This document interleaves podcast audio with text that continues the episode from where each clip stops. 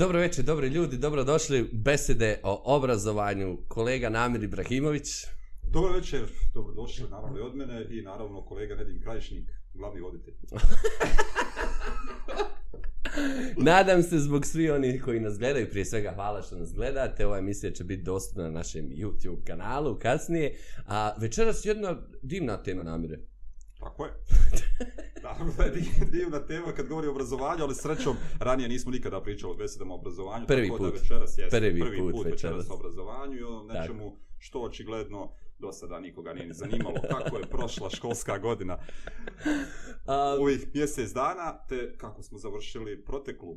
O, počet ćemo sa, sa, sa onim koji, sa kojim je najbitnije, a to su dragi nastavnici, drage ovaj, učiteljice, da razgovaramo o njihovim iskustvima. Ja se nadam da, da večeras ova beseda neće da se završi onako depresivno, O, Zašto bi? Pa ne znam, mislim, čita mjesec škole, vidjet ćemo na šta to E, liči. Pa da, depresiju sigurno ne. Niti škola može izazvati bilo kakvu depresiju, bez obzira u kakvom je Nikada. obliku. Nikada, Nikada. apsolutno. O, pozivamo drugare koji nas gledaju, slobodno nam se pridružite u komentarima, jako volimo a, da, ste, da ste onako dio ove priče, a pridružite nam se u komentarima, pitajte što želite i namira, meni nemojte, a i uvažene gošće koje Ja ću su, odgovarati umjesto Nedima. i uvažene gošće koje su večeras sa nama. Mediji su prepuni naslova o, o, o, o školi, o izazovima, A, nigdje nisam naišao na neke baš ohrabrujuće vijesti. Sve su to, i zahvaljujem se kolegici Milici Skokić-Ilmi, ovaj, Stepa koji su nam pripremili onako ovaj lijep pregled svih vijesti u posljednjih mjesec dana i uglavnom nema Koliko tu... je trebalo? 10 strana. 10 Samo naslove da stave. ovdje ima 10 strana samo linkova. A, ajde da se mi uozbiljimo, ajde da pričamo Da, o, o, ovo ipak, dobro večer još jednom, ovo je ipak ozbiljna tema. I, I babo gošće koje puno više znaju o tome od mene i od tebe. Tako, ne, ne ba, od mene, da, od tebe, onaj, ti, ti si ovdje ravnopravni kolega. Dobre večer svima, ajde da krenemo, da se zahvalimo našoj dragoj Azri Kukavici, Zenice, učiteljica. Dobro večer, Azra, kako si nam? Dobro večer. Jako sam optimistična, dobro raspoložena, tako da nećemo završiti depresivno. Samo ću ja završiti depresivno, nemojte vi, nemojte. Neće ni Nedim. vi morate ipak na nastavu već sutra. Tako. A, dobro večer, dakle, učiteljica, ali iz Tuzle ovaj put, Džana Gojačić, Gojačić Pezerović. Džana, dobro večer, kako si ti? Dobro večer, Namire, dobro večer, Nedime. Naravno, Jazra iz Selma. Dobro večer. sve. Optimizam i kod tebe, Džana. Obzirom na to da ste vas dvojica baš veselo krenuli ovu večerašnje druženje, završit ćemo tako. Dobro. Dobro večer i Selmi Karić, profesorici u srednjoj školi, profesorici bosanskog, hrvatskog, srpskog jezika i književnosti, da sad ne idemo sa ovim ponavljanjem književnosti tri puta. Dobro večer, Selma, kako si? Hvala na ovako lijepoj najavi. Ja također optimistično vrlo ovaj sa nekim strašnim iskustvima, pozitivnim i negativnim i zaista se radujem ovom večerašnjem druženju i ovoj besjedi jer mislim da zaista moramo da razgovaramo, moramo da razmijenimo iskustva i moramo da pričamo i onom pozitivnom i onom negativnom pa eto nadam se da će biti ovaj interesantno i onima koji nas budu ovaj pratili. Naravno pozdrav ekipi u ovom lijepom studiju, a ovaj i, i damama, mojim kolegicama koji su večeras s nama. Mogu li ja da krenem? O, ne smijem reći da ne možeš, izvoli. ne smijem reći da ne može. Kaže ovako, a vi kako ste? Kombinovani model, kombinovano ludilo. Da? Otkud ovaj naslov? A, ja sam zaista neko ko um, piše onog trenutka kada ga uhvati huja ili kada ga uhvati neka dobra emocija. Obično je to tako kod mene. A, u onom trenutku tog kombinovanog modela i kombinovanog ludila kad se vi počnete gubiti i kada vam treba jedan onako baš specijalac da vam napravi vaš dnevni raspored aktivnosti, da pritome ne zaboravite sebe i da ne zaboravite gdje živite i da ne ostavite dijete u školi umjesto da ga pokupite, jel? Ovaj, stvarno sam se tako osjećala. Stvarno sam se osjećala kao neko ko, ko se bori za dah. A, ja sam to napisala i ono što sam shvatila, to je otišlo u eter, ali veliki, veliki broj prosvjetnih radnika se ono prepoznao u tome od riječi do riječi i rekli su svi zaista da to jeste jedno vrst, jedna vrsta ludila u kojim se, ja mislim da prosvjetni radnici do sada nisu našli.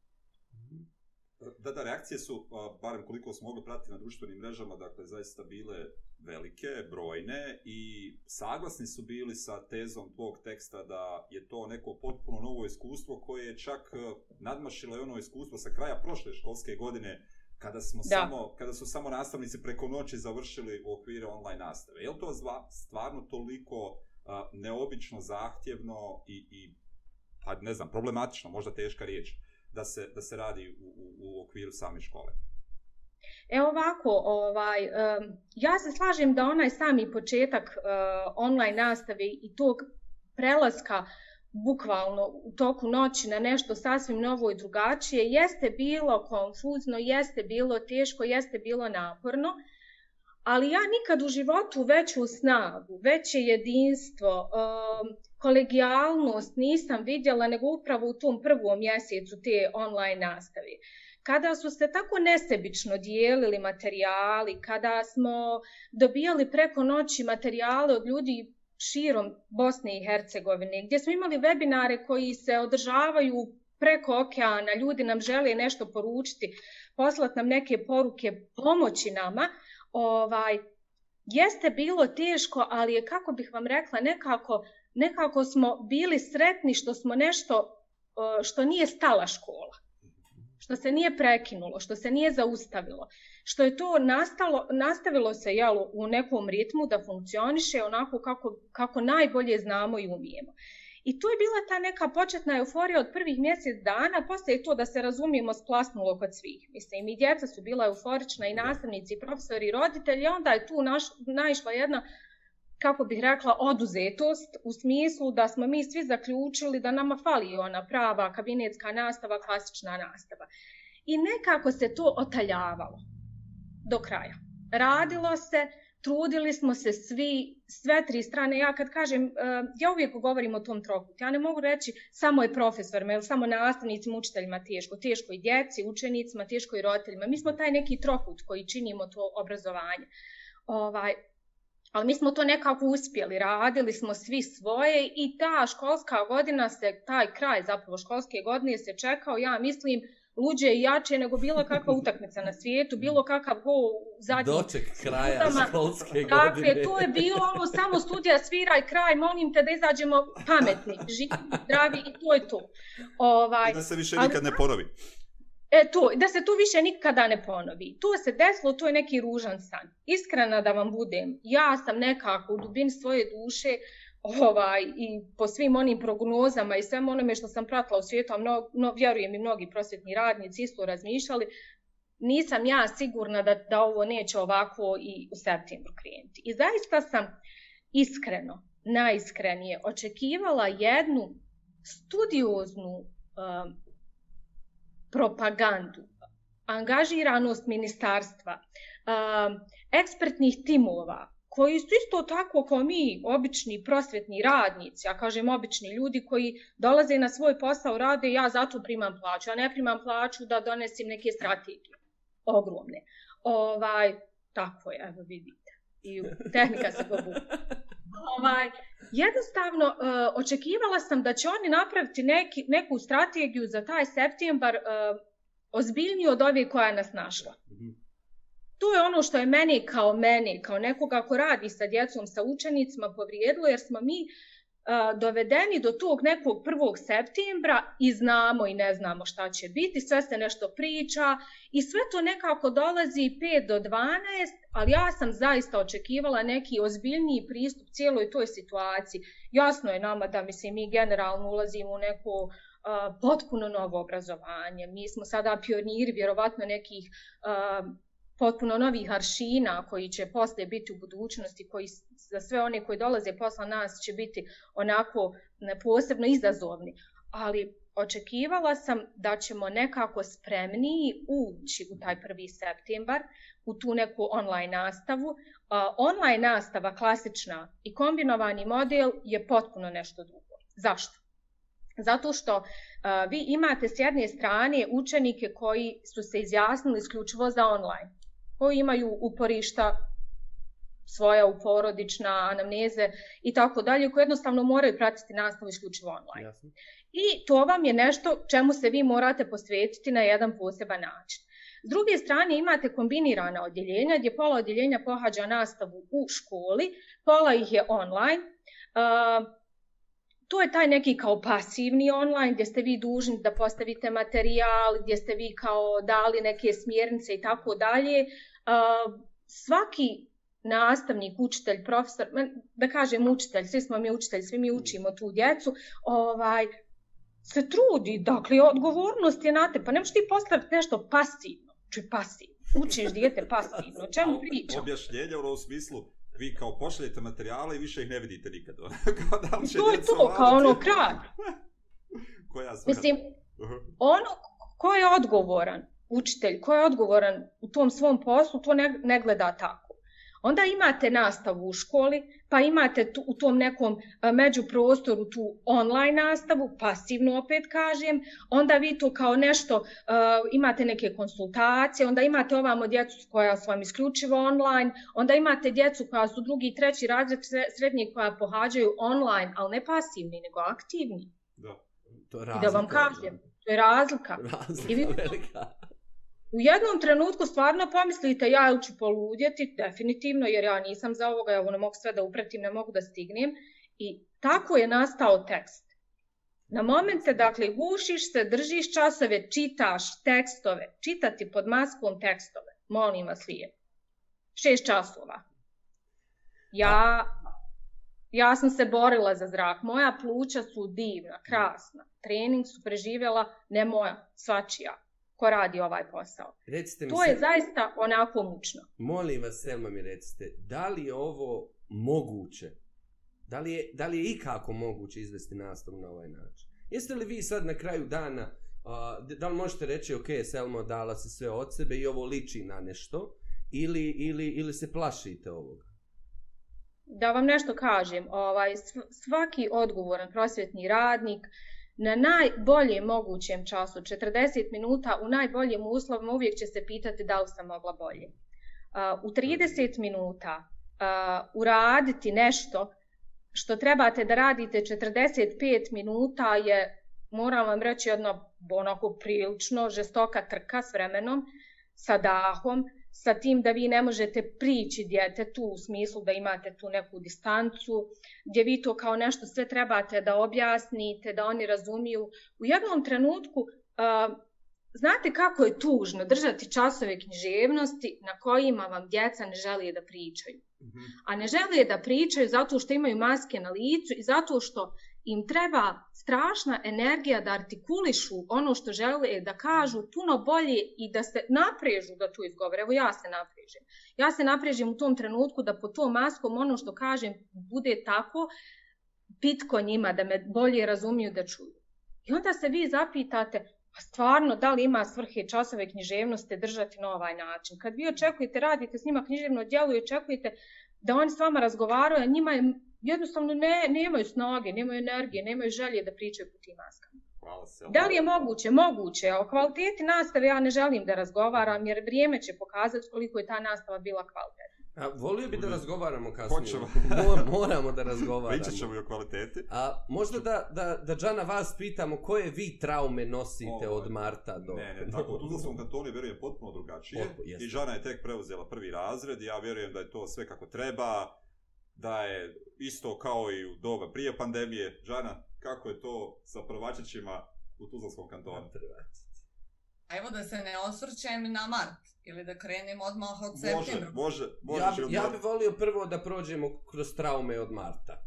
Ne možemo kroz traume od, od septembra, bez Marta. Ja bih, ja bih zaista krenula od marta i u, mnogo, u mnogim stvarima se slažem sa Selmom, vezano za ovo ludilo koje smo prošli i za još veće u koje smo ušli. Ali e, e, ja sam u martu mjesecu, u martu mjesecu vodila peti razred, znači završni razred koji je, koji je bio u mojoj generaciji i ušli smo u martu u jedno haotično vrijeme što se tiče same pandemije i svega onoga što pred sam kraj nosi peti razred. Eh, imala sam sreću da eh, su djeca, odnosno roditelji, mogli sve to zaista tehnički da ispoštuju, jer smo bili na Google učionici i eh, ja sam se trudila zaista maksimalno da sve ono što mogu da iskoristim iz te platforme iskoristim i da radim sa svojom djecom. Ali na tom putu sam zaista učila sama.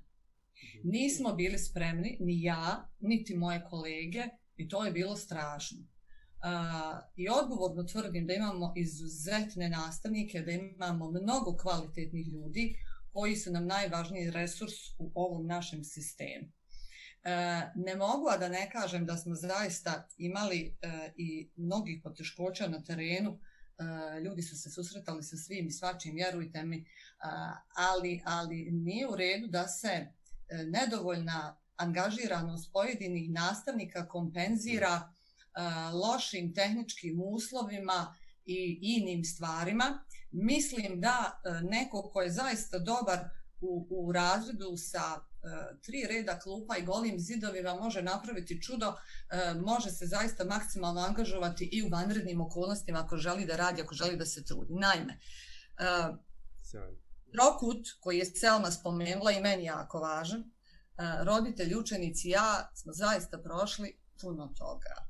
Eh, Trudila sam se da sve bude transparentno, da zaista svakom djetetu pružim povratnu informaciju, da dam komentar, da djete zaista zna u kojem pravcu ide, zašto radi to što radi. Pokušala sam na sve moguće načine da prilagodim eh, plan koji sam imala ispred sebe. Uh, bilo je teško. Bilo je zamorno, bilo je mukotrpno, bilo je trenutaka kad sam htjela da udarim glavom u zid, kada sam se uhvatila puno puta u trenucima da, da, da je pola jedan, pola dva, a da pišem uh, uh, i dalje mojim učenicima povratne informacije i komentare, da sam mislila da ujutru neću moći podići laptop. Znači, toliko je bilo naporno. Ali, uh, s druge strane, se nalazio tu jedan taj emocionalni moment sa mojim džacima.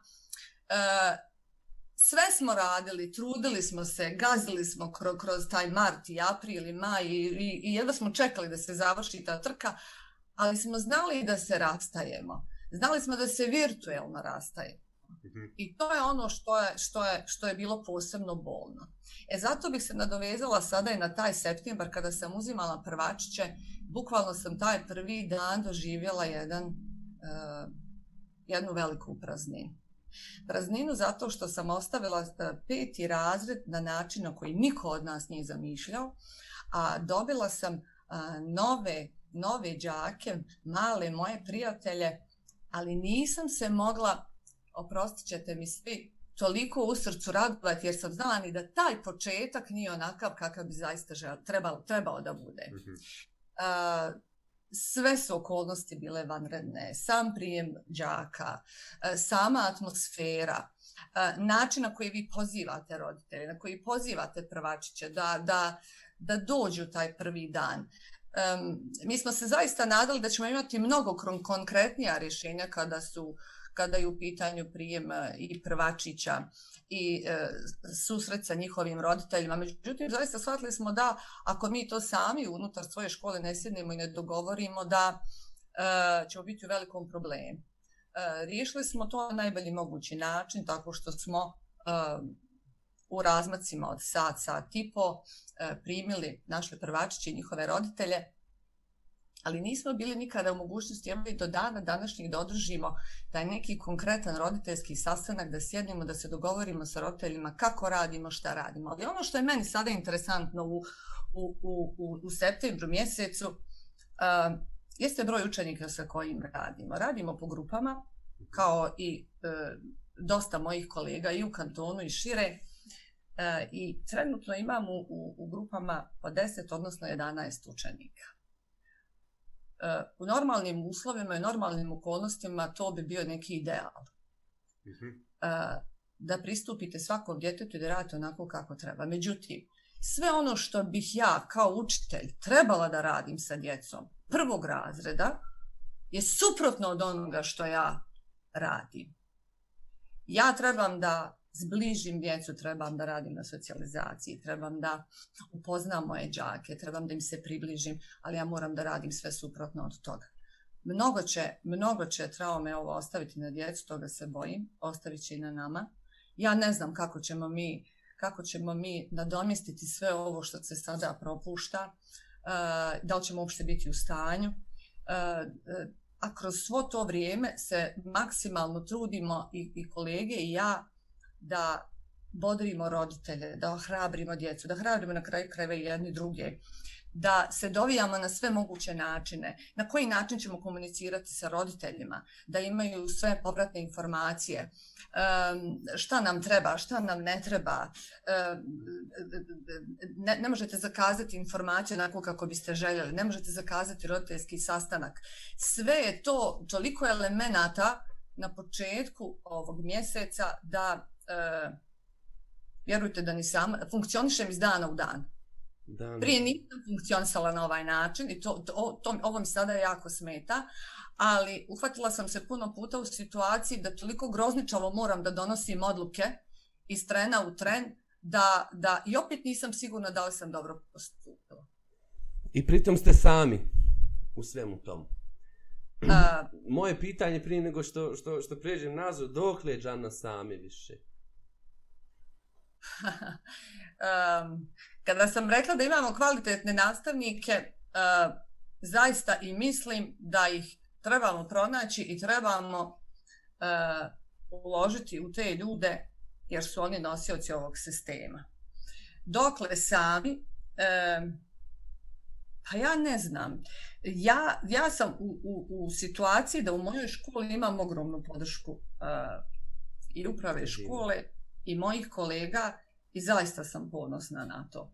Da toga nije bilo, ne znam kako bismo krenuli ovu školsku godinu. E, imali smo fantastičan e, tim koji je radio e, krizni plan naše škole. Sve smo postavili na svoje mjesto, sve je bilo jasno u svakom trenutku, sve se znalo. Ali sada kada pogledate školu kao cijelinu, opet je i škola bila sama u svemu tome, znate. Mi smo dobili upute, mi smo dobili smjernice, ali onoliko koliko ćete vi to razraditi zavisi od vas samih. Sve što, sve što ste detaljniji i što dublje ulazite u problem, bit će vam lakše. Ali se čovjek umori, znate? Na kraju ste kao isputan balon. Uh, rekli ste, a, a, ako smijem, a, rekli ste nešto jako zanimljivo, mislim da je važno da se o tom razgovara, a ne onako samo da pređemo pre, preko toga. A, i, I u našem istraživanju rad, dobili smo te rezultate. Dakle, dobar dio roditelja, sad da ne spominjemo procente, je izuzetno zadovoljan angažiranošću nastavnika, onim što su dobili, odnosom koji su pokušali, ali isto tako vrlo znatan broj. Vrlo znatan broj, to su jasno artikulisali roditelji djeca, ali i nastavnici koje smo pitali, da dobar dio nastavnika, evo sad ne, nek mi progledaju svi kroz prste, nije odradio svoj posao. Nije. Da, da, da budemo iskreni, nije. I mi to znamo. Znate, i to, i to nije mali broj. I uh, ja sam zaista uvijek na strani nastavnika. Ma mi smo tu samo zbog nastavnika, ali, ali upravo da bi zaštitili takve kao vi, nama je važno da razgovaramo i o ovome. Uh, znate, pa imate prosjetnih radnika koji su zalutali tu gdje, gdje, gdje su zalutali. I um, znamo mi da, da, da sve ovo što se radilo kroz online nastavu što se nazivalo online nastavom u nekim slučajevima, e, e, tražilo je prije svega da svaki nastavnik prema djetetu postupi na način da ako ništa da mu zasluženu povratnu informaciju ako ništa da dijete osjeti da je ono važno u tom trenutku tom nastavniku bilo kakva aktivnost da je pitanje. Pa znate, aktivnost više tu nije ni bitna. Nije ni bitno nekada šta se radi. Nije ni bitno da li će se završiti što ste postavili pred, pred dijete. Nije bitna ni ta zadaća, ni to istraživanje, nego je bitno samo da se ostvari kontakt. Znate, ja sam pokušavala zaista kroz, kroz rad na, na platformi sa mojim učenicima da koliko god mogu uh, uključim djecu, a ne roditelje. Na način da sam htjela pojednostaviti sve ono što radim, ali da su djeca moji direktni sudionici u. Znate, kad vi čitate dječje komentare koje oni vama šalju, vi nekada lukavi ste, znate, između redova, vi pročitate da nekada komentar nije napisalo djete, već je to napisao roditelj.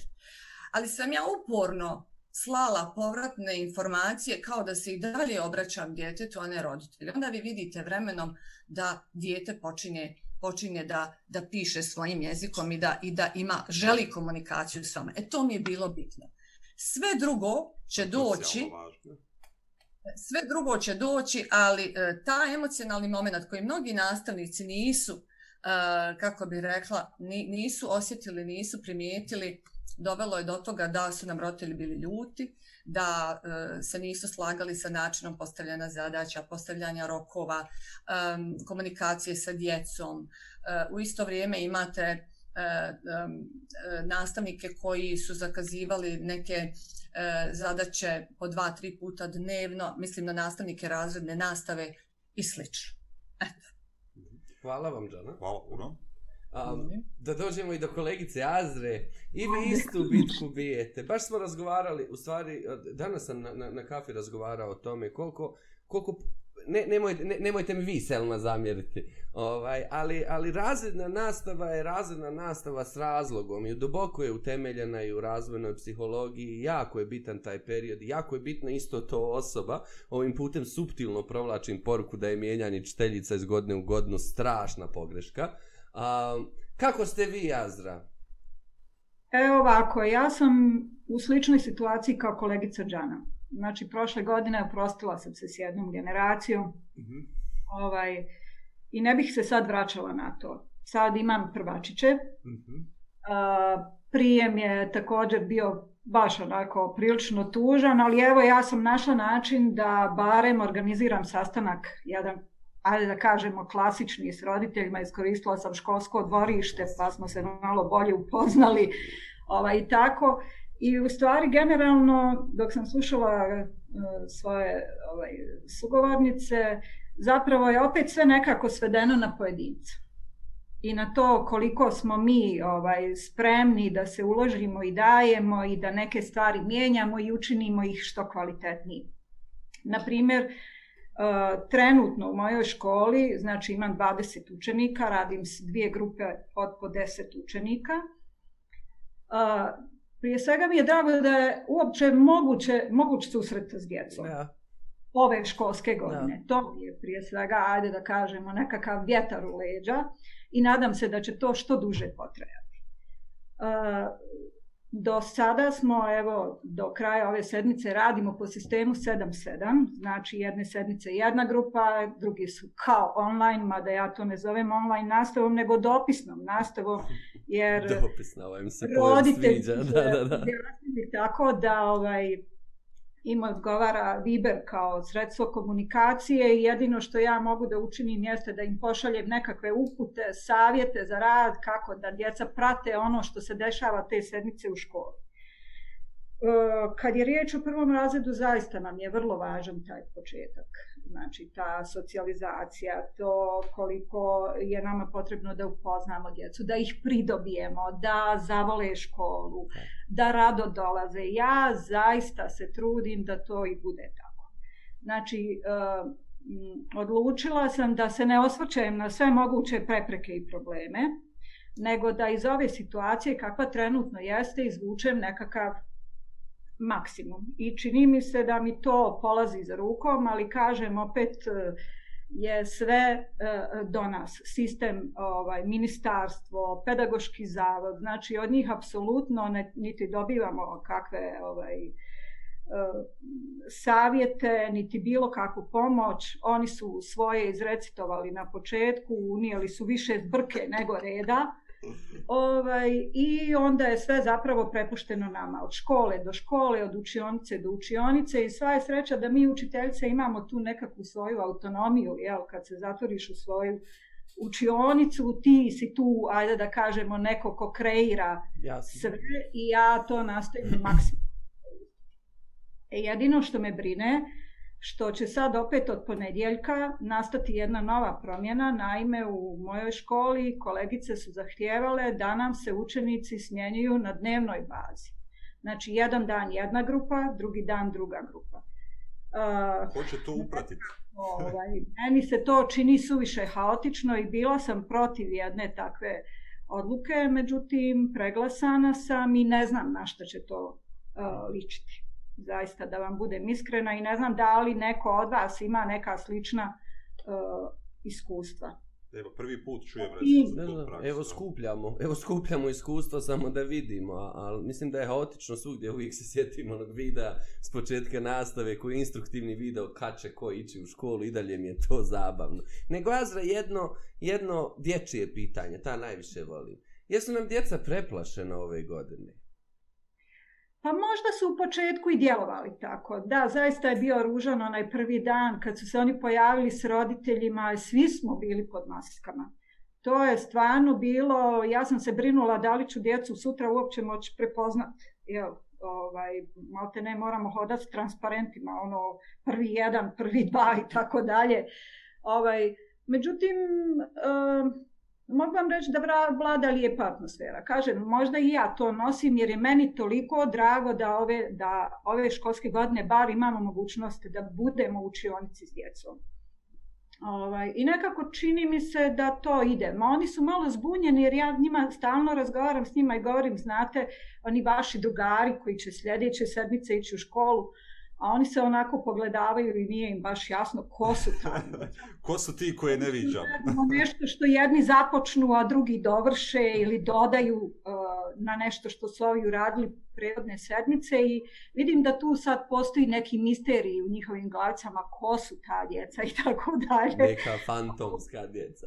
A šta mislite da, da, da, da um, ključno nedostaje vama sad u ovom modelu ka, ovakav kakav je?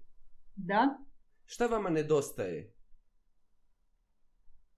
Uh, prvo vrijeme, jer moramo dosta toga strpati u tih pola sata, jeli recimo da otprilike prvačići najduže dva sata ostaju u školi i zaista u ta dva sata ovaj, puno toga se treba uh, dogoditi opet kažem, možemo mi učitelji kreirati, prilagoditi i nekada probiti neke, ajde da kažemo, vremenske, neka vremenska ograničenja, ali znači to vrijeme, ta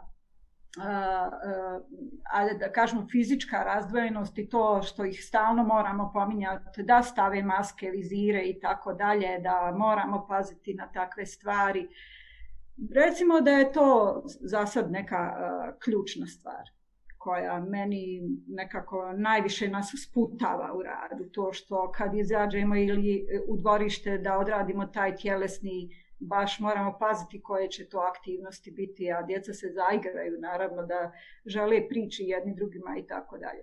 Ali mislim da su veseli, da im je drago i nekako, kažem vam, ja idem s tim da iz ove situacije kakva jeste, gledam samo ono što je dobro ako počnemo kukati i prigovarati, mislim da tome e, neće biti kraja. Neće na dobro, neće na dobro, ali svak svoj posao treba da radi Azra. Upravo Tako da, da to, to mi je jako bitno. To mi je jako bitno. Da. Imali smo, imali smo ovo iskustvo, evo i Jazrino i Džanino vezano za prvačiće i ovaj sad neki obrnuti model u kojem vi više ne govorite učenicima dijelite stvari jedne s drugima, približavajte se, budite bliski, nego raz, razmišljite se, ne. svoje stvari držite isključivo za sebe, imate samo svoju klupu. Nemoj da vas vidim da se družite.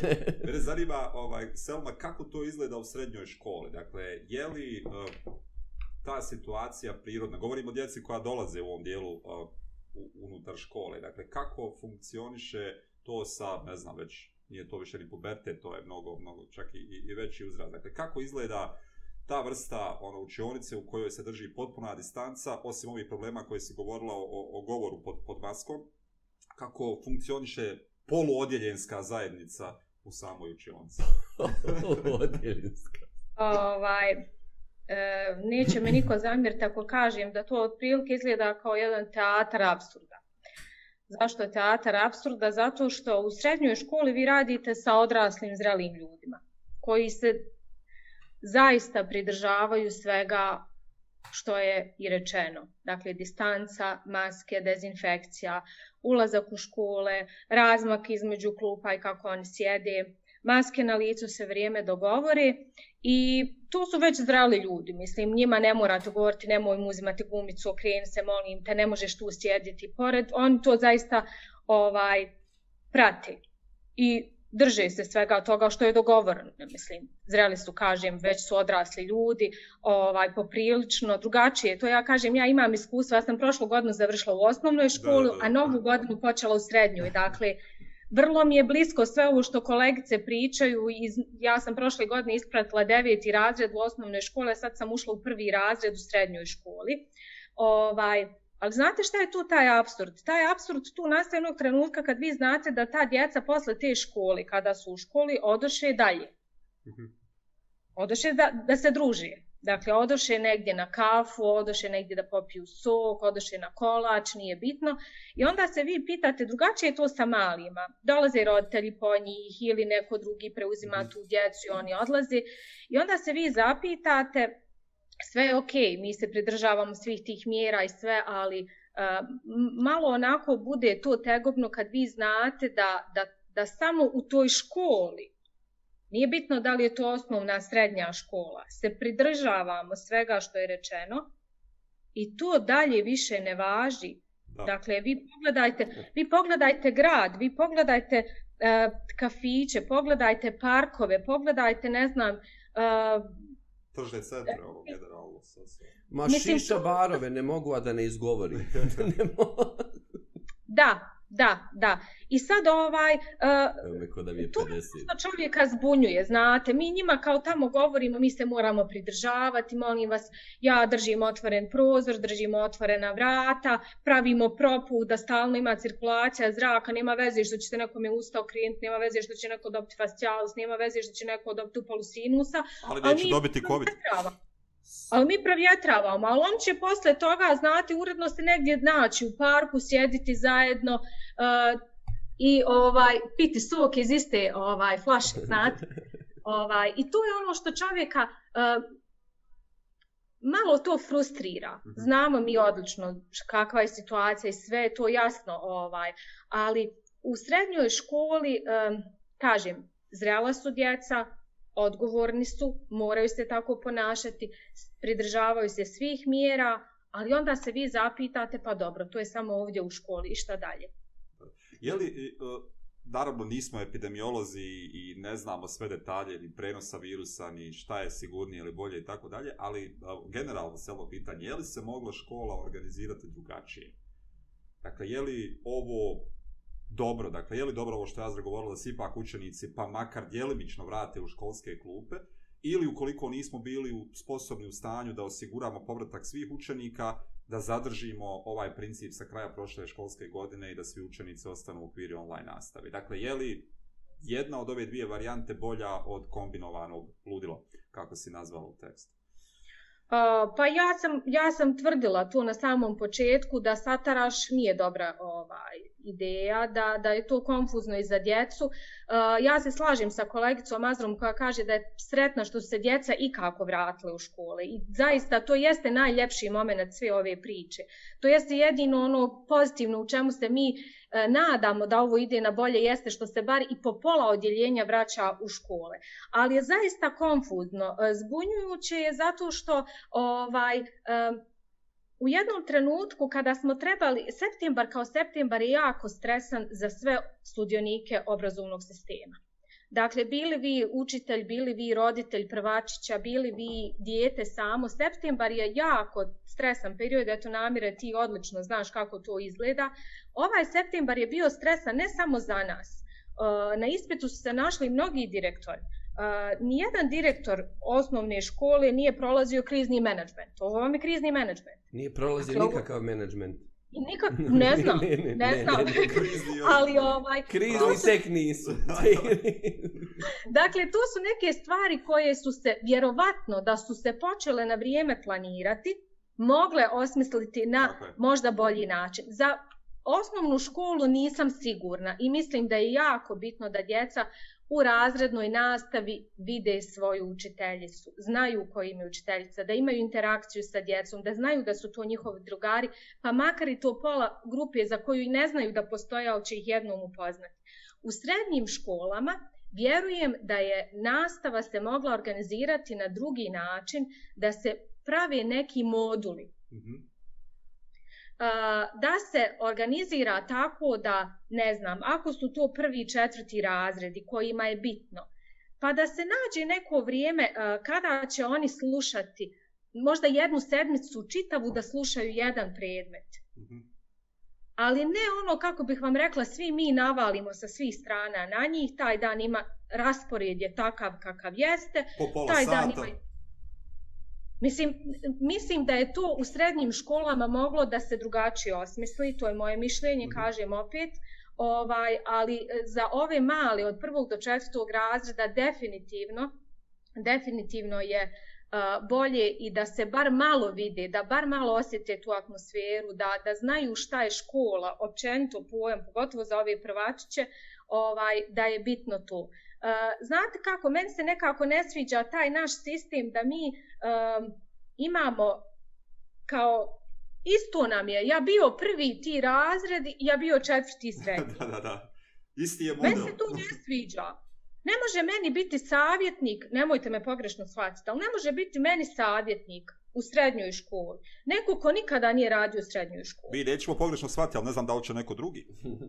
da, ovaj, ali uh, hoću da vam kažem da nekako se te stvari moraju odvojiti. Nastava u osnovnoj školi od prvog do četvrtog razreda zahtjeva jedan potpuno drugačiji pristup.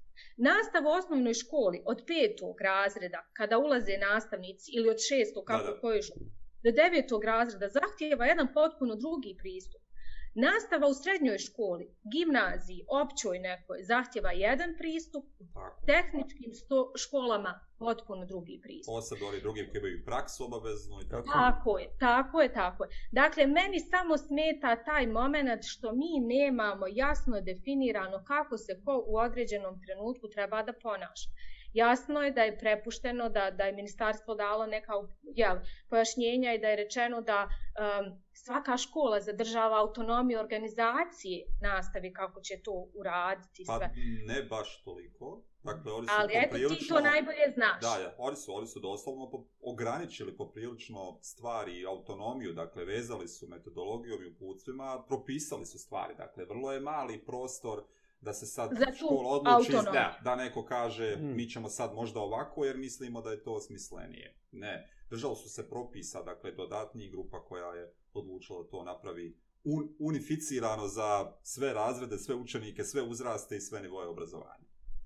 Ali da moja konačna neka odluka bude sljedeća, pitanje bilo da li je bolje ovako ili onako ili mhm. smo trebali da ostanemo. Definitivno mislim da je za učenike od prvog do četvrtog razreda puno korisnije da budu u učionici, pa makar i po pola grupe i znam da je to teško i naporno učiteljicama, ali same učiteljice kažu da su sretnije i da im je tako draže pa na bilo koji način, a da se ova vrsta kombinacije dalje nije trebala, kako bih rekla, onako podrazumijevati na sve mhm. ostalo što dolazi. Mhm, mhm. Jer je to napravilo veliku pometnju, da, lako je direktoru organizirati tu nastavu kombiniranu od prvog do četvrtog razreda. Kad je jedna učiteljica ulazi u jedno odjeljenje, ona njih poznaje. Ali zamislite vi strku sada kada nastane od, ti, od tih petih razreda, devetih razreda i stane ta promenada ljudi koja prolazi. Ja sam, ja sam rekla da, da, znate kad su rekli uh, da u da djeca ne mijenjaju kabinete, dakle nije kabinetska nastava, djeca su učioncama i profesori ili nastavnici njima ulaze. I kao to je nešto epidemiološki kao korektno. Meni je to nekorektno. Ja svaki put kad uđem u kabinet gdje je prije mene bio moj kolega i ta djeca su tu možda već sat vremena, to je inkubator. Mm -hmm.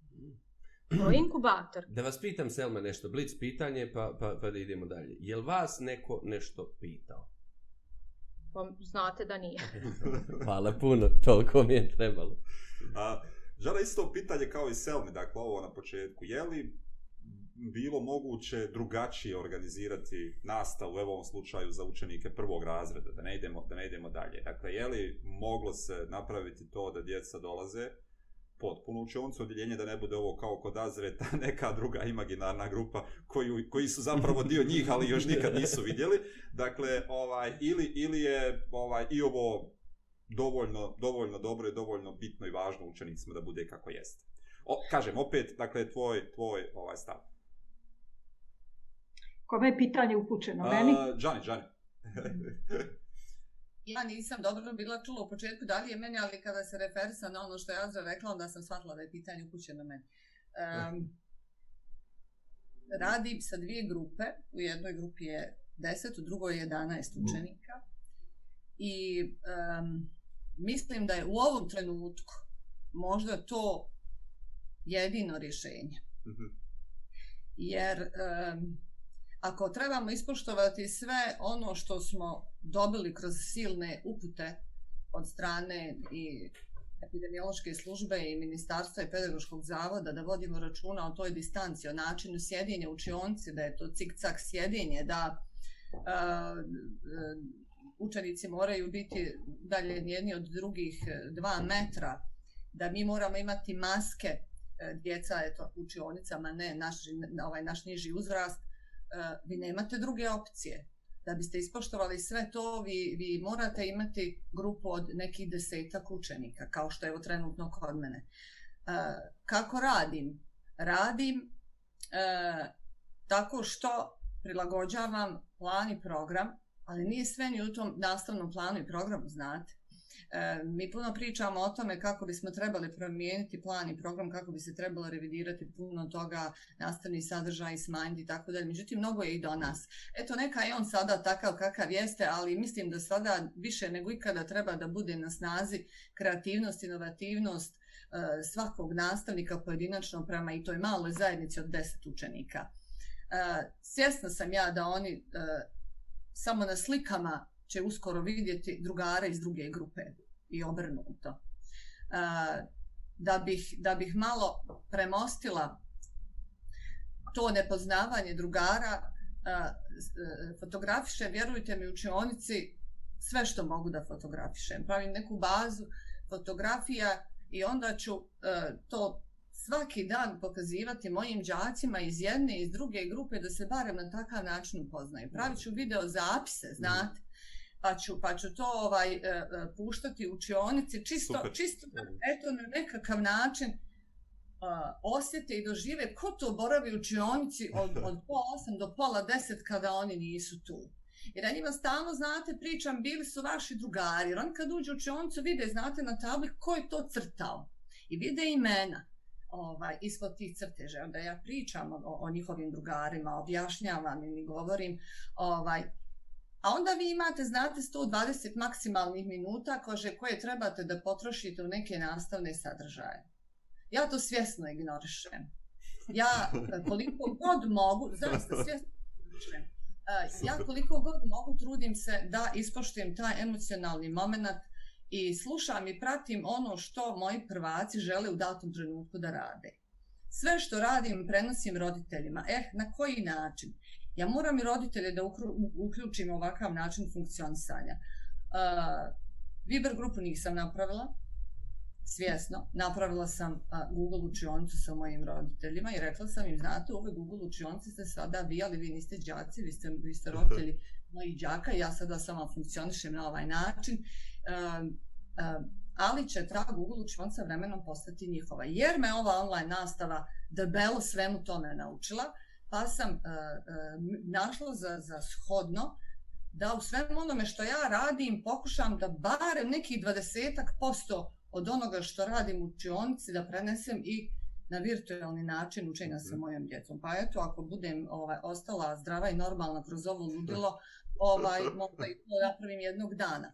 Ali namjere, mislim da u ovom trenutku sada ovako funkcioniše, kako će se još dovijati i, i na, na, na, na koje ovaj ideje ću na ovaj doći zaista ne znam. Jer sam malo prije rekla da funkcionišem iz dana u dan. Mislim divne stvari radiš to je ono da, što da, vidimo da. sad. Da Eto, hvala vam, Džana, ne znam šta da vam kažem, baš vam hvala. Ovaj, što... Dođite i vi, pa ćemo i vas snimiti nekada. Ispade da u stvari su dobri nastavnici, oni koji ignorišu upute, to mi je, to mi je divno. to desi. O, ovo su moje riječi, ovo sam one, ja nadovezao. Ja nemam ništa s tim, isto da se zna. Namir se ograđuje, ovaj ministar u nastajanju se ograđuje. Azra, šta bi vi drugačije?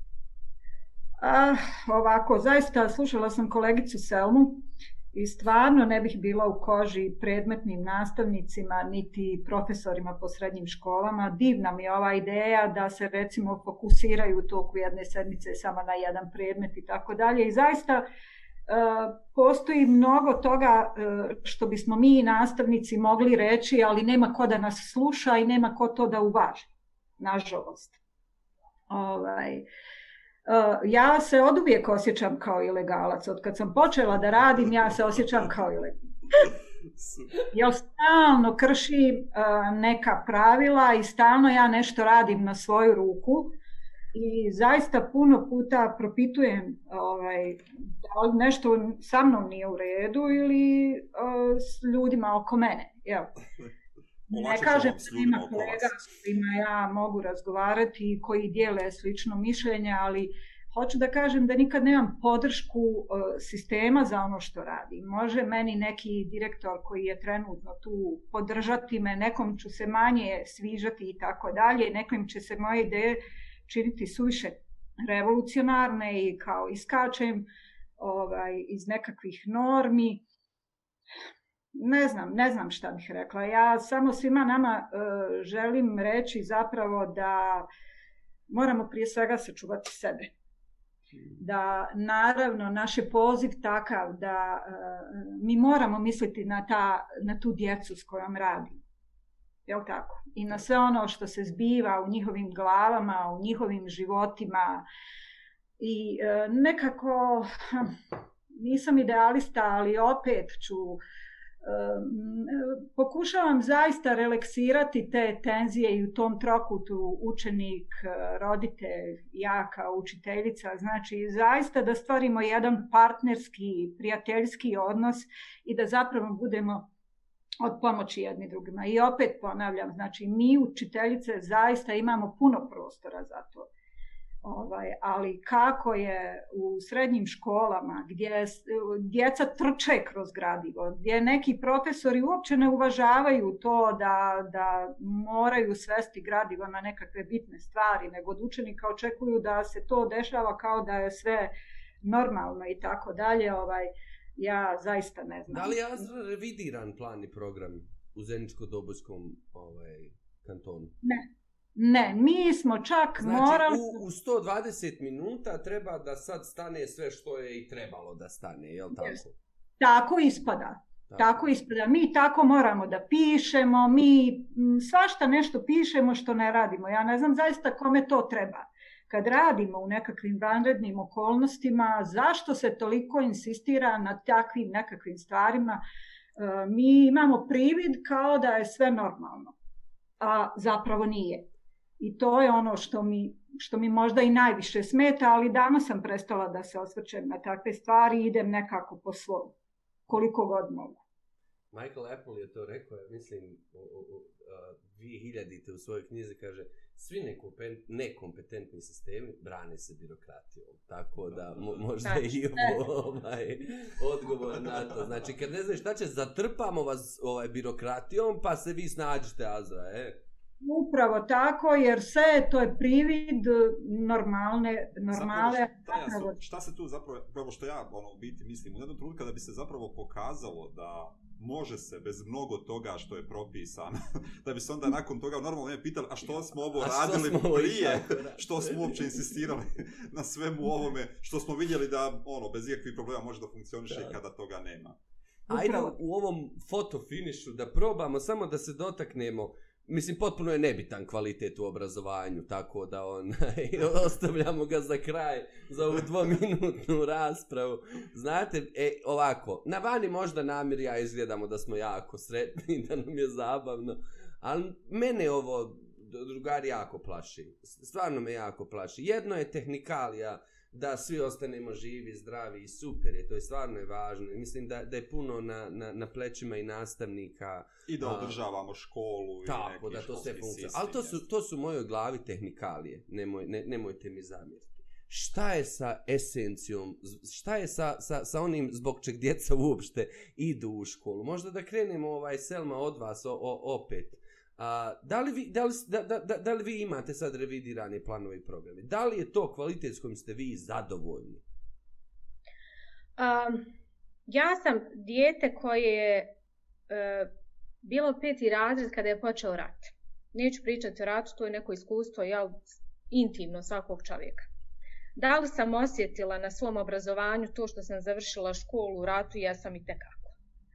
Samo je to bila sam odgovorna prema sebi i svemu onome što, što sam zacrtala kao svoje ciljeve da postignem, pa sam uh, trudila se da sve ono što sam propustila, što nisam stigla od granata, što nisam stigla od svega što me, što me stiglo ne samo meni, nego mnoge, jel? Ovaj, da sama nadoknadim. Uh, ovdje nije rat u pitanju, ovdje je neka potpuno druga okolnost, gdje vam od pojedinca sa svake strane zavisi koliko će neko napredovati. Uh, zavisi od mene koliko ću ja dati svoj angažman, svoj trud, svoje zalaganje da u 30 minuta na najbolji mogući način djeci objasnim lekciju. Ja ću se potruditi i dati, kažem, sve od sebe jer ja sam uh, neko ko, ko voli svoj posao. Uh, taj učenik će dati sve od sebe da to shvati. Roditelj će biti suport, podrška da ih malo usmjeri. Uh, jako je teško oduzeti mm, nastavniku, učitelju, ono njegovo pravo. Ja sam se nekako u svemu ovome osjećala kao da to nisam ja. Dakle, ne mogu da sebe dam onoliko koliko trebam i koliko osjećam da mogu i ne mm. mogu da pružim učenicima ono što su oni zaslužili, ne mogu da budem zadovoljna. Kad kažem, joj, znate, ali zvon će nam za pet minuta, hajde samo još ovo da vam kažem. Isto kao na nekim trkama, ludim, na nekom maratonu gdje nešto kao moramo da stignemo. I onda se zapitam, pa ne mogu ovako. Mi ne znamo koliko će ovo trajati. Niko od nas ne zna koliko će ovo trajati. O, ovo je super kada to traje, vi kažete, znate, ovo ovako traje od 1. septembra do 1. oktobra i čiča miča gotova priča, mi se vraćamo na staro, ma preživjet ćemo tih mjesec dana, pa neće niko propasti zbog toga. Ali ovdje je pitanje koliko će ovo trajati. Nemaju prosvjetni radnici toliko snage, nemaju toliko života, vjerujte, da mogu ovaj tempo pratiti, a da budu zadovoljni da kažu, ma ja sam prezadovoljna svojom nastavom. Uh, Ali podrške. Da, da. Uh, vi, morate, vi morate da osmislite, da napravite koncept. Dakle, taj čas u kabinetu kakav je prije bio i sad ovaj čas je nešto potpuno drugačije. Uh, trudite se da, uh, ja, ja, ja uvijek to tako kažem svojim učenicima, molim vas, vi koji ste danas u školi, pogledajte ono što sam stavila na platformi učenicima koji su online. Stavila sam i materijale za koje ja ne mogu 100% tvrditi da ću stići sve da završim za ti 30 minuta. I tu je možda isto neka banka, odakle ovi veliki, kažem, veliki mogu da crpe podatke. Naravno da, da je to za male, ovaj, onako možda da roditelji pogledaju. Pitanje koliko, koliko i oni žele to da pogledaju i, i znam sve to. Ali e, kvalitet nastave i kakva je nastava bila u ovo korona ludilu znaće se tek kad ove generacije prođu. Dakle, mi ćemo znati šta smo dobili, šta smo radili, kako smo radili kada sve ovo stane i kada mi vidimo kako smo mi zapravo generacije izveli, koliko smo ih naučili, šta smo ih naučili. Kažem, svaki prosvjetni radnik se trudi na svoj način, svako daje maksimalan neki svoj trud, svoje zalaganje. Niko koga čas nije isti. Neki profesor će reći, pozdrav, koliko sam plaćen, toliko i radim, neću da se maltretiram, meni to ne treba, ja ću svoje da ispričam i to je to. Ja i to poštujem.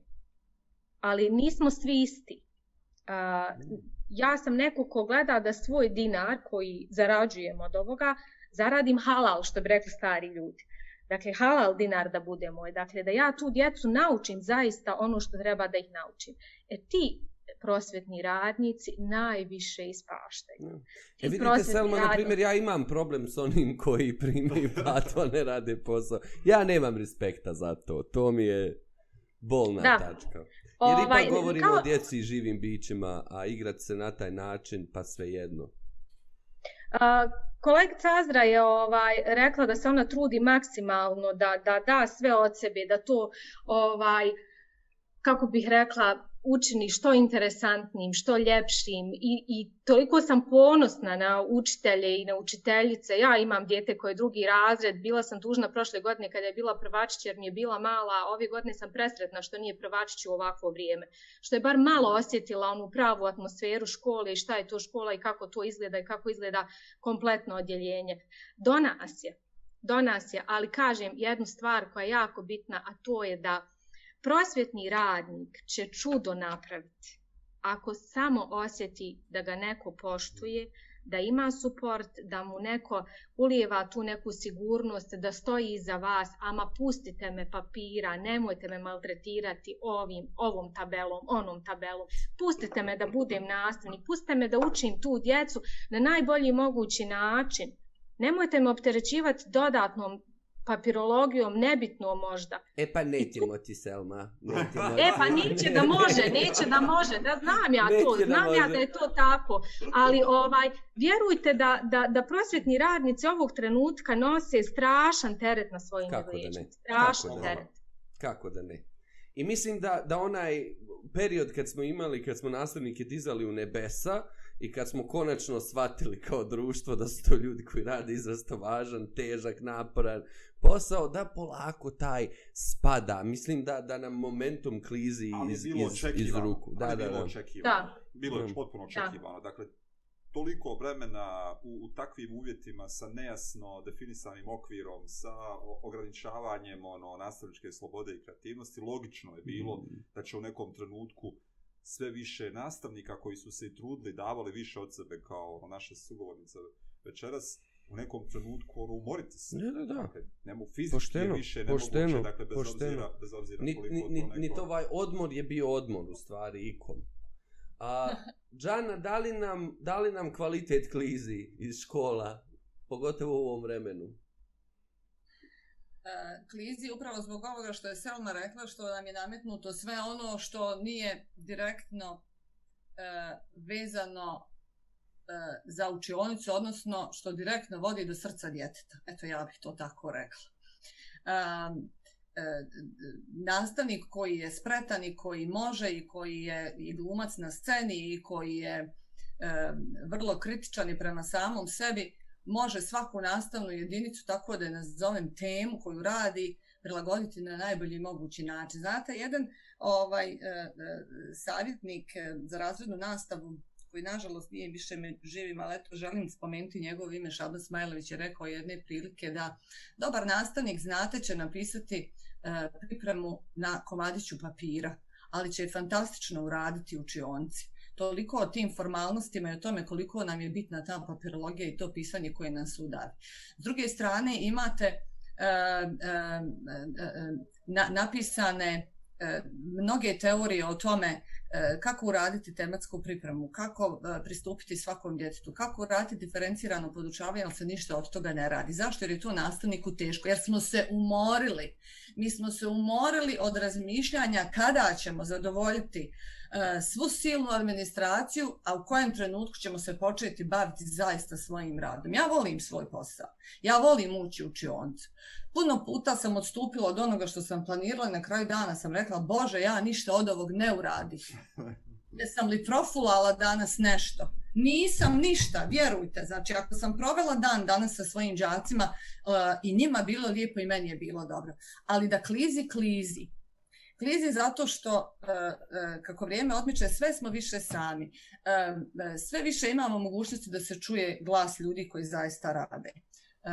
Namir je jedan od, ta, od tih svjedoka, znači vrlo, vrlo, vrlo često smo pričali o tome da kada imate jasnu viziju, kada želite postaviti neke stvari onako kako bi bilo dobro za, za, za obrazovanje, uvijek se pojavi neko ko to E, želi spriječiti iz raznih razloga.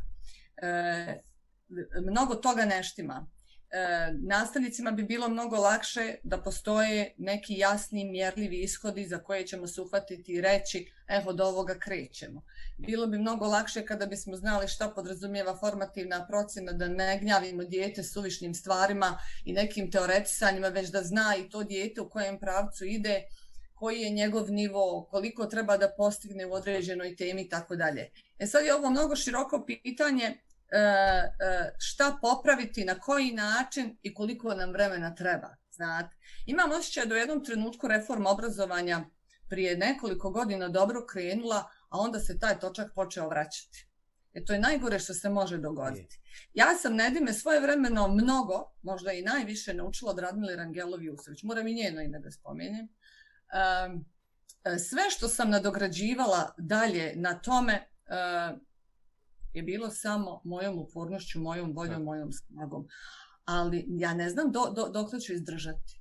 Mnogo, mnogo je prosvetnih radnika koji ja, kao ja, koji tako rade i koji tako razmišljaju i uh, bojim se da će doći trenutak da će mi samo najljepše biti u učionici, da neću imati više ni snage, možda čak ni volje, ni želje da e, dam svoj maksimum van te učionice.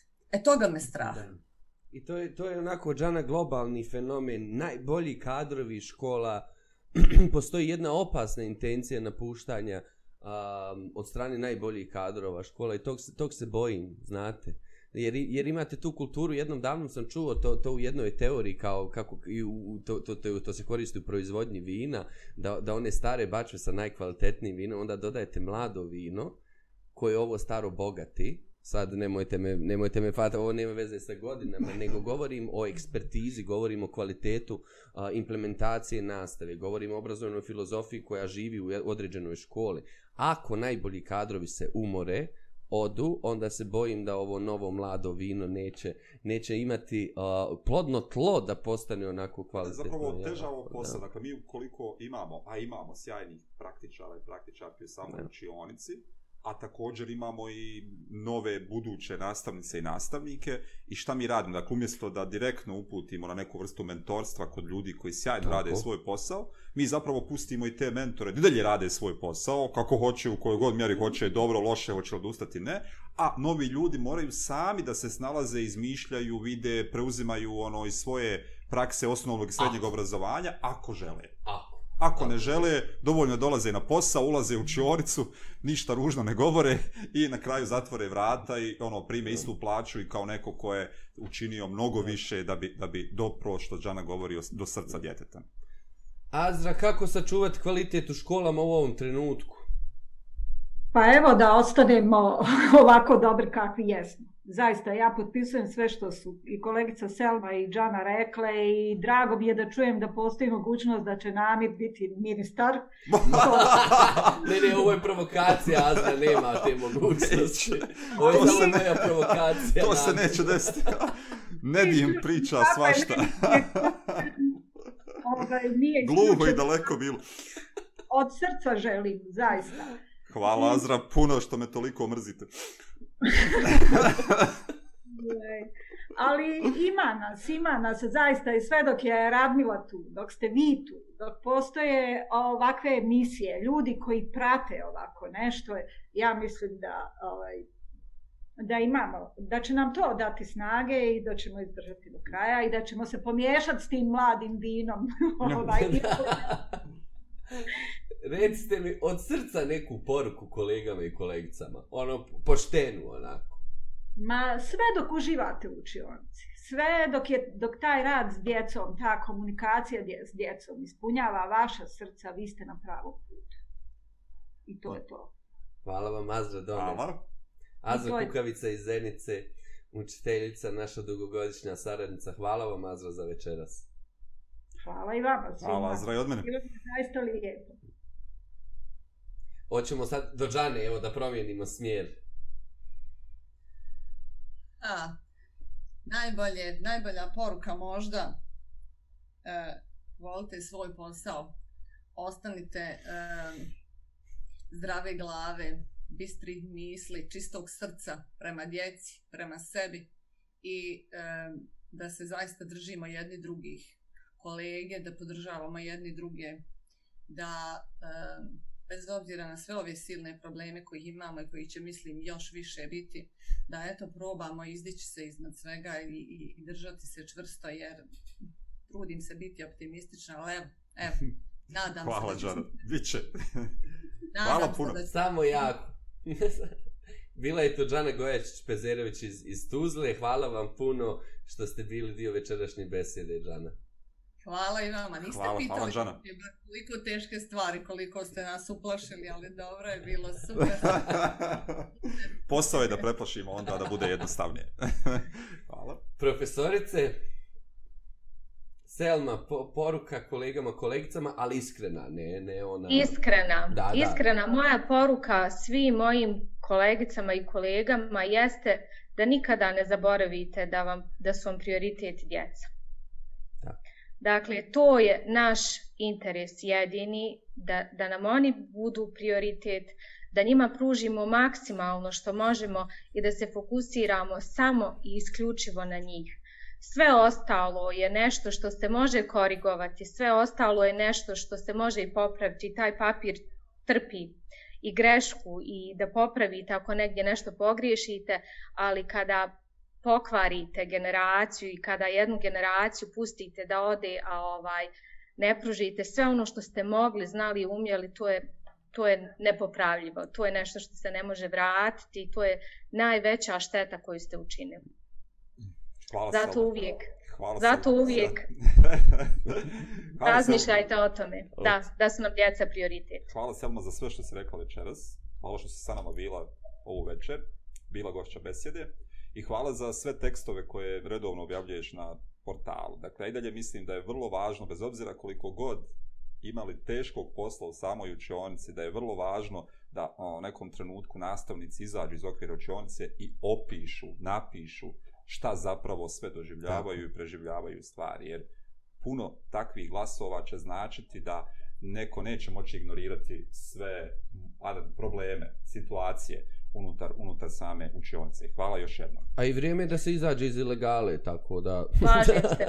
Ovaj, hvala, hvala vama na pozivu, bilo mi je izuzetno ovaj, drago što večera s vama mogu razgovarati, što sam upoznala ovako divne učiteljice, što sam razgovarala sa ovako dva divna ovaj, gospodina mlada. Hvala u ime Nedima. Više za gospodina nego za mlada i hvala puno.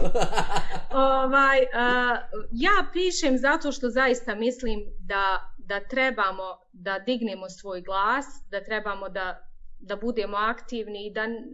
Znate, najgore je kada kažemo, ma hajde pusti, proći će, pa sve će to proći, pa bit će bolje. Mislim da trebamo da kažemo sve što nas tišti, što nas muči. Eto, ja se trudim da to onako vrlo jednostavnim, prostim, što bi se reklo, jezikom u nekim jednostavnim rečenicama prenesem i eto, I Drago mi je što, ono što ovaj... je, ono što je važno, dakle, učenici tvoji zapravo vide da si ti osoba koja govori javno i dakle to će im vjerovatno Da. iz toga će više, više naučiti nego da im ti sad ne znam govo, ti govoriš radite to tako dakle svojim primjerom pokazuješ što je zapravo Da, da, najbolje da, da. Postulat način pedagog. učenja.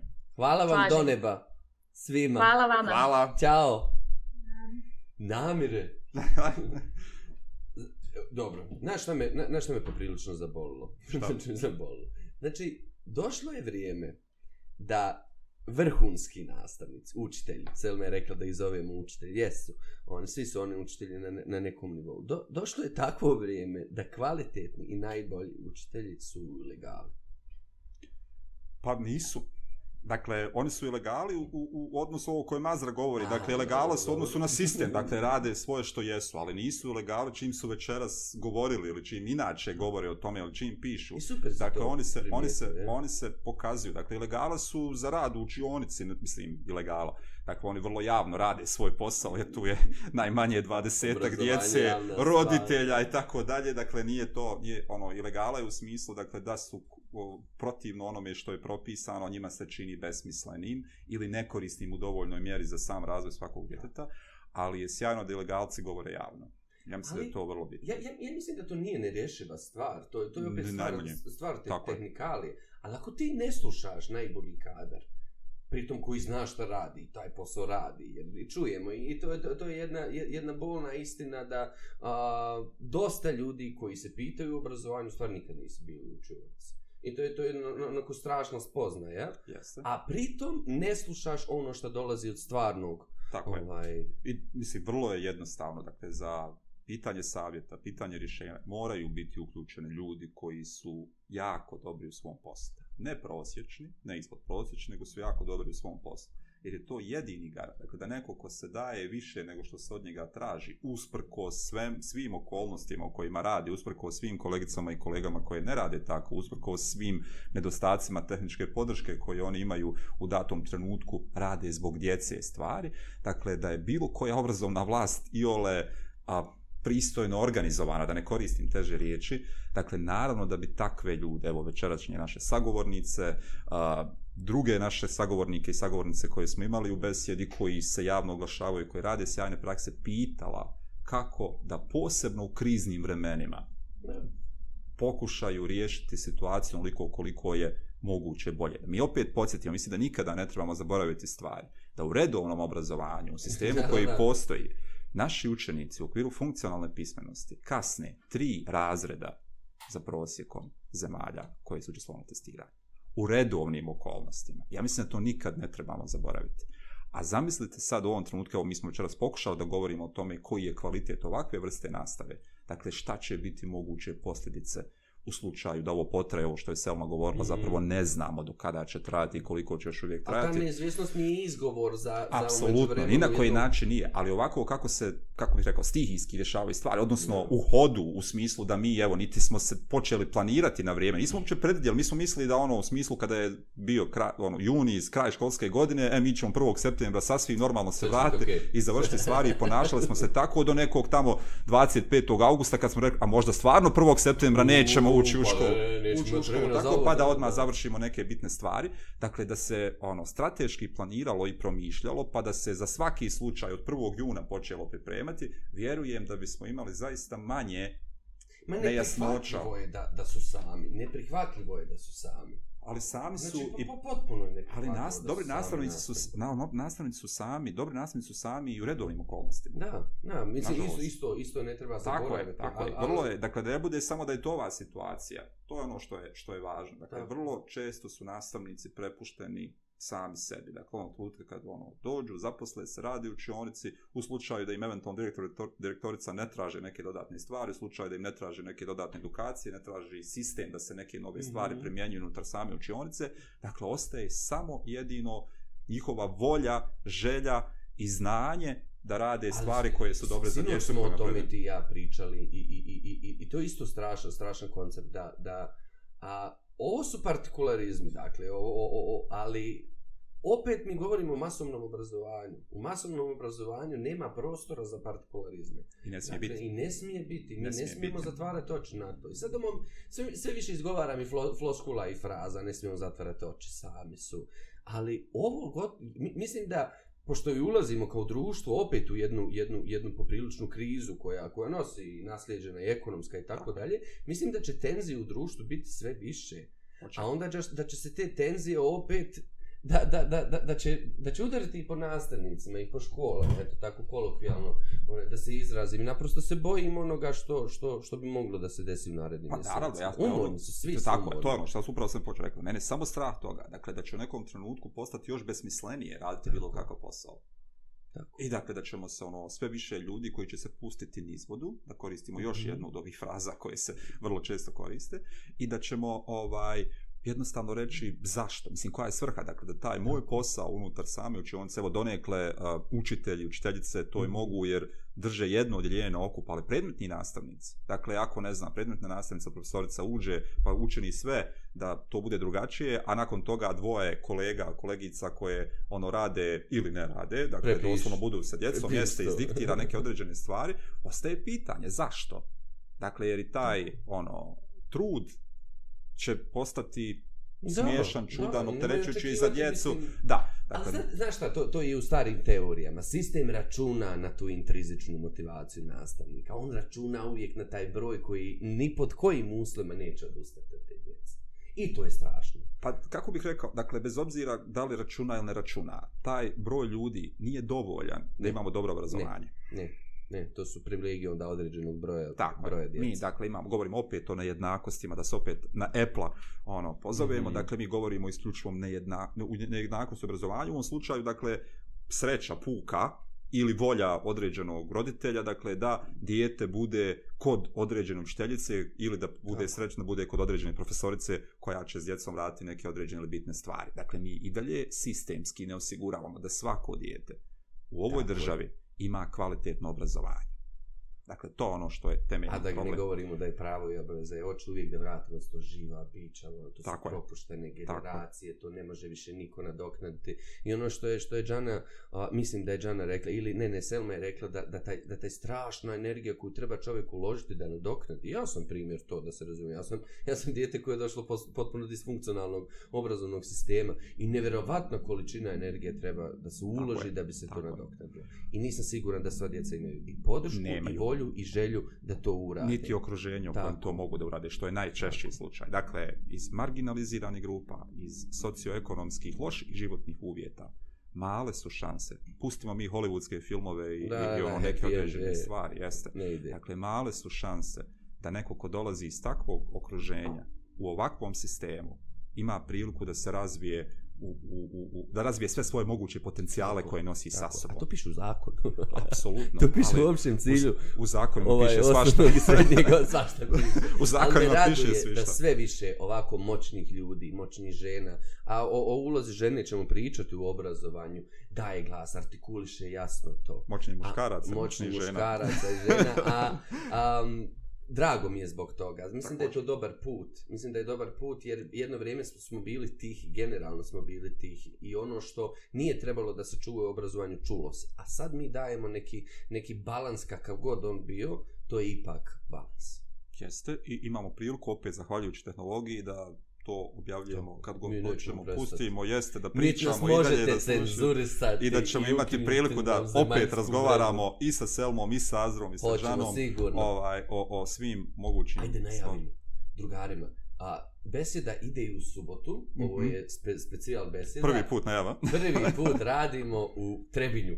Idemo u Trebinje tamo vam se javljamo sa divnim direktorkama, opet se vraćamo temi menadžmenta, opet pričamo sa moćnim ženama, a zašto govorim ženama? Zato što ćemo upravo razgovarati o jednom konceptu, a to su žene u obrazovanju, mm -hmm. a onda mali broj žena na upravljačkim pozicijama. Tako, što je ovaj put razgovaramo sa ženama koje jesu na upravljačkim jesu, pozicijama. Koji rade sjajan posao, javljamo se iz Trebinja, A, mislim da će biti sjajna beseda, obavijestit ćemo vas kad, šta i kako. Samo dnevni je termin, je večernji. Tako, vi yes. uživate u dnevnom terminu, do, da, nije nam još jasan termin, ali značemo. Tako da, namjer... sam. E, uživo sam večeras. Ja također. Svaki put me napune ovi divni ljudi. Taj. Svaki put me napune.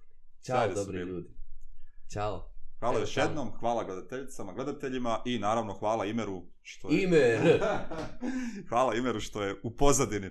Imer Murat Pakić, drugar koji ovo sve omogućava da Tako. se desi, a mi samo sjedimo.